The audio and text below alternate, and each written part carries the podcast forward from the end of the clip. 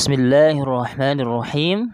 Assalamualaikum warahmatullahi wabarakatuh. Alhamdulillahi rabbil alamin. Wassalatu wassalamu ala rasulillah wa ala alihi wa ashabihi wa man wala wa man tabi'ahum bihsanin ila yaumiddin amma ba'd. Teman-teman, santri TPK Ibnu Abbas yang semoga dirahmati oleh Allah Subhanahu wa taala. Apa kabar semuanya? Semoga semuanya selalu sehat dan dilindungi oleh Allah Subhanahu wa taala dari berbagai macam penyakit, dari berbagai macam musibah yang akan menimpa kita. Amin ya rabbal alamin. Alhamdulillahirabbil alamin. Pada malam hari ini Allah masih memberikan nikmat kepada kita semuanya. Di antaranya nikmat iman, nikmat Islam, nikmat sehat, nikmat waktu luang, dan berbagai macam nikmat yang lainnya yang tidak bisa kita sebutkan satu persatu. Bahkan dalam Al-Quran disebutkan, seandainya kita mau menghitung nikmat Allah, sungguh kita tidak akan mampu untuk menghitungnya. Secanggih apa pun alat yang kita gunakan untuk menghitung nikmat Allah yang diberikan kepada kita, kita tidak akan mampu menghitung nikmat Allah karena saking banyaknya nikmat Allah yang telah diberikan kepada kita. Maka sebagai hamba Allah, kita wajib bersyukur atas nikmat yang telah diberikan kepada Allah yang diberikan oleh Allah Subhanahu wa taala kepada kita. Salah satu cara bentuk bersyukur kita adalah yaitu menggunakan nikmat yang sudah diberikan untuk ketaatan kepada Allah Subhanahu wa taala. Misalkan kita diberikan tubuh yang sehat, maka kita harus gunakan tubuh kita ini untuk beribadah kepada Allah Subhanahu wa taala. Kita diberikan harta yang berlimpah, maka jangan lupa kita gunakan harta tersebut di jalan Allah Subhanahu wa taala untuk berinfak di jalan Allah Subhanahu wa taala. Baik teman-teman, semoga kita semuanya menjadi hamba-hamba Allah yang bersyukur dan nantinya Allah akan senantiasa menambah nikmat yang diberikan kepada kita. Amin ya rabbal alamin. Pada malam hari ini, Alhamdulillah akan kita lanjutkan pelajaran kita di Tarbiyah Qur'aniyah. Yang insya Allah pada malam hari ini kita akan melanjutkan pembahasan pada Jumat yang lalu. Masih tentang surah Al-Fajr. Dan insya Allah pada malam hari ini kita akan bahas tentang surah Al-Fajr dari ayat 15 dan ayat 16. Sebelum kita lanjutkan, mari kita baca dulu surah Al-Fajrnya. الرجيم بسم الله الرحمن الرحيم فأما الإنسان إذا ما ابتلاه ربه فأكرمه ونعمه فيقول ربي أكرمن وأما إذا ما ابتلاه فقدر عليه رزقه فيقول ربي أهانن yang artinya maka adapun manusia apabila Tuhannya mengujinya lalu memuliakannya dan memberinya kesenangan maka manusia berkata Tuhanku telah memuliakanku. Dan apabila Tuhan mengujinya, lalu membatasi rizkinya, maka ia berkata, Tuhanku menghinaku. Surah Al-Fajr ayat 15 sampai dengan 16. Teman-teman semua yang semoga dirahmati oleh Allah Subhanahu wa taala, perlu kita ketahui bahwasanya manusia di dunia pasti akan merasakan yang namanya kesenangan dan kesempitan atau kesedihan atau kesengsaraan. Inilah dua wajah ujian Allah kepada manusia. Yang mana tujuan Allah menguji manusia tersebut baik dengan kesenangan atau dengan kesedihan atau kesengsaraan, ya. Allah ingin melihat siapa yang paling bersyukur dan bersabar di antara hamba-hamba Allah Subhanahu wa taala. Namun sangat disayangkan, terkadang manusia itu salah menilai ketika diberikan kesenangan oleh Allah Subhanahu wa taala, mereka memuji Allah Subhanahu wa taala. Namun, ketika mereka diberikan kesempitan, diberikan kesengsaraan, ya, kemudian diberikan uh, kesedihan, mereka berburuk sangka kepada Allah Subhanahu wa taala. Sungguh orang yang memiliki sifat seperti ini adalah manusia yang tercela yang tandanya dia tidak beriman kepada Allah Subhanahu wa taala. Imam Ibnu Kasir menafsirkan ayat tersebut bahwasanya sesungguhnya Allah mengingkari pernyataan orang-orang yang memandang bahwa ketika seseorang diberikan rezeki, mereka menganggap itu adalah kemuliaan. Ya. Padahal belum pasti orang yang diberikan rizki atau diberikan harta berlebih oleh Allah Subhanahu wa taala itu merupakan kemuliaan. Terkadang Allah memberikan rizki yang banyak kepada seseorang, Allah memberikan harta yang berlimpah kepada seseorang, itu adalah termasuk ujian dari Allah kepada hambanya. Ujian itu apa?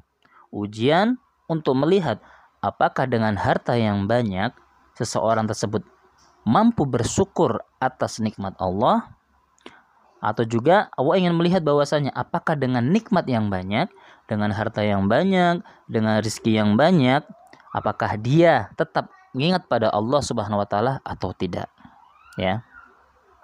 Jadi keluasan rizki seseorang di, ketika diberikan nikmat oleh Allah itu belum pasti itu merupakan kemuliaan dari Allah. Tapi bisa jadi itu adalah bentuk ujian dari Allah Subhanahu wa taala yang diberikan kepada hamba tersebut. Sebagaimana pada zaman Nabi Muhammad sallallahu alaihi wasallam ada seorang sahabat Nabi yang bernama Sa'labah ya, yang mana beliau adalah orang Ansor yang miskin. Namun dia sangat taat beribadah kepada Allah Subhanahu wa taala. Suatu ketika dia datang kepada Nabi Muhammad sallallahu alaihi wasallam dan meminta supaya didoakan menjadi orang yang kaya. Kata Tha'labah, "Wahai Rasulullah, tolong doakan aku kepada Allah Subhanahu wa taala supaya aku menjadi orang yang kaya, orang yang berkecukupan." Tapi kata Rasulullah Shallallahu alaihi wasallam, "Wahai Tha'labah, apakah kamu tidak melihat panutanmu, yaitu maksudnya Nabi Muhammad Shallallahu alaihi wasallam, yang mana Nabi Muhammad bukan termasuk orang yang kaya, bukan termasuk orang yang memiliki banyak harta. Lalu kemudian Sa'labah kembali ke rumahnya. Selang beberapa hari, Sa'labah datang kembali ke rumah Rasulullah Shallallahu Alaihi Wasallam dengan tujuan yang sama, yaitu minta didoakan oleh Rasulullah Shallallahu Alaihi Wasallam supaya Nabi supaya Sa'labah menjadi orang yang orang yang kaya. Lalu ditambahi oleh Sa'labah dan aku Rasulullah ketika akan menjadi orang yang kaya, aku tidak akan lupa hak-hak orang yang miskin yang berada di hartaku. Mendengar perkataan tersebut, Rasulullah akhirnya mendoakan Sa'labah. Rasulullah berdoa kepada Allah supaya Sa'labah menjadi orang yang kaya. Biidnillah. Akhirnya doa Rasulullah diijabah oleh Allah Subhanahu wa taala. Sa'labah mulai mempunyai satu ekor kambing. Semakin lama semakin lama ternyata kambingnya beranak pinak menjadi banyak, banyak puluhan, semakin hari semakin bertambah, semakin ratusan, bahkan yang dulunya Sa'labah itu mengembala kambingnya di Madinah ya. Karena saking banyaknya akhirnya Sa'labah mengembalanya memberi makannya itu membuat kandang di luar Madinah. Ya, di luar kota Madinah. Karena saking banyaknya di Madinah tidak cukup untuk e, memberi makan kambing-kambingnya Sa'labah.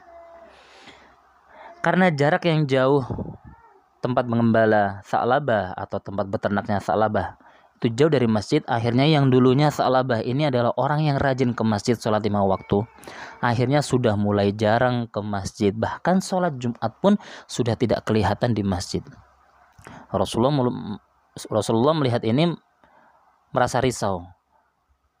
Di mana Sa'labah Kenapa dia sekarang tidak pernah kelihatan di masjid? Dalam hati Rasulullah berkata seperti itu. Akhirnya Rasulullah meminta mengutus utusan salah satu utusan sahabatnya datang kepada Sa'labah supaya Sa'labah mengeluarkan zakat dari kambing-kambingnya. Ketika utusan tersebut datang ke tempatnya Sa'labah, Sa'labah tidak memberikan zakatnya, ya. Justru sebaliknya, Sa'labah menghina utusan tersebut dan Sa'labah sombong bahwasanya dia menganggap bahwasanya kambing-kambing ini menjadi banyak adalah berkat usaha keras dia. Akhirnya utusan tersebut kembali kepada Rasulullah Shallallahu Alaihi Wasallam dan akhirnya Rasulullah berkata celakalah wahai engkau Sa'labah dan mendengar seperti itu akhirnya Sa'labah Bismillah yang tadinya jadi orang yang kaya banyak kambingnya ratusan ekor bahkan ribuan ekor akhirnya perlahan-lahan kambingnya mulai mati satu persatu bangkrut dan akhirnya Sa'labah kembali menjadi orang yang miskin. Nah dari kisah ini bahwasanya kita tahu bahwasanya diberikan banyak harta. Itu semata-mata bukan adalah kemuliaan dari Allah Subhanahu wa taala. Namun bisa jadi itu adalah ujian dari Allah Subhanahu wa taala untuk melihat hamba tersebut bersyukur kepada Allah Subhanahu wa taala atau tidak dan untuk melihat apakah ketika seseorang kaya dia akan tetap ingat kepada Allah Subhanahu wa taala atau tidak. Begitu pula sebaliknya ya. Seseorang yang rizkinya sempit, tidak memiliki banyak harta, hidupnya penuh dengan kesulitan, belum tentu dia termasuk orang yang tidak diberikan rezeki oleh Allah Subhanahu wa taala, bukan termasuk orang yang mulia. Seandainya orang yang memiliki harta yang sedikit, hidupnya serba susah, kalau dia bersabar, justru inilah bentuk kemuliaan yang diberikan oleh Allah Subhanahu wa taala kepada orang tersebut. Ya. Jadi, perlu kita ingat bahwasanya ketika seseorang menjadi kaya, ketika seseorang mendapatkan harta yang banyak, harta berlimpah, hidupnya enak, senang terus, belum tentu ini merupakan kemuliaan yang diberikan oleh Allah Subhanahu wa taala. Bisa jadi itu adalah ujian dari Allah. Apakah orang tersebut nanti selalu bersyukur kepada Allah? Apakah orang tersebut nanti akan selalu mengingat kepada Allah? Dan perlu kita ingat juga bahwasanya seseorang yang selalu merasa kesusahan hidupnya, hartanya sem hartanya sedikit, rezekinya sempit, dan dia selalu dalam kesengsaraan, belum tentu juga dia adalah orang yang dihinakan oleh Allah Subhanahu wa taala. Bahkan seandainya orang yang diberikan rezeki sedikit kemudian uh, hidup yang sulit, kalau dia bersabar atas yang diberikan oleh Allah Subhanahu wa taala, maka orang tersebut menjadi orang yang mulia. Ya. Karena sejatinya adalah kemuliaan itu akan didapatkan seseorang ketika seseorang itu selalu ingat kepada Allah, selalu bersyukur kepada Allah ataupun sebaliknya yaitu selalu bersabar atas yang didapatkan selama hidupnya. Nah, teman-teman semuanya, jadi kalau sekarang kita merasa senang, jangan kita merasa sombong, jangan kita merasa mulia daripada orang yang lainnya, tapi kita harus selalu bersyukur kepada Allah dan ingat harta yang kita mula, yang kita punya itu adalah ujian dari Allah Subhanahu wa taala. Dan ketika kita merasa hidup kita sempit, harta kurang, kemudian hidup kita serba susah, belum tentu ini adalah Allah menghinakan kita. Tapi bisa jadi Allah sedang memuliakan kita kalau kita mau bersabar. Demikianlah yang bisa Ustaz sampaikan. Mudah-mudahan kita bisa menjadi orang-orang yang selalu bersyukur kepada Allah ketika mendapat nikmat dan mudah-mudahan kita selalu menjadi orang-orang yang bersabar atas musibah atau atas apa yang di diberikan oleh Allah kepada kita. Insya Allah syukur dan sabar inilah yang akan menjadikan kita mulia di hadapan Allah Subhanahu wa taala. Demikian mari kita tutup dengan hamdalah Alhamdulillahi rabbil alamin dan doa kafaratul majlis subhanakallahumma wa bihamdik asyhadu an la ilaha illa anta astaghfiruka wa atubu ilaik. Wassalamualaikum warahmatullahi wabarakatuh.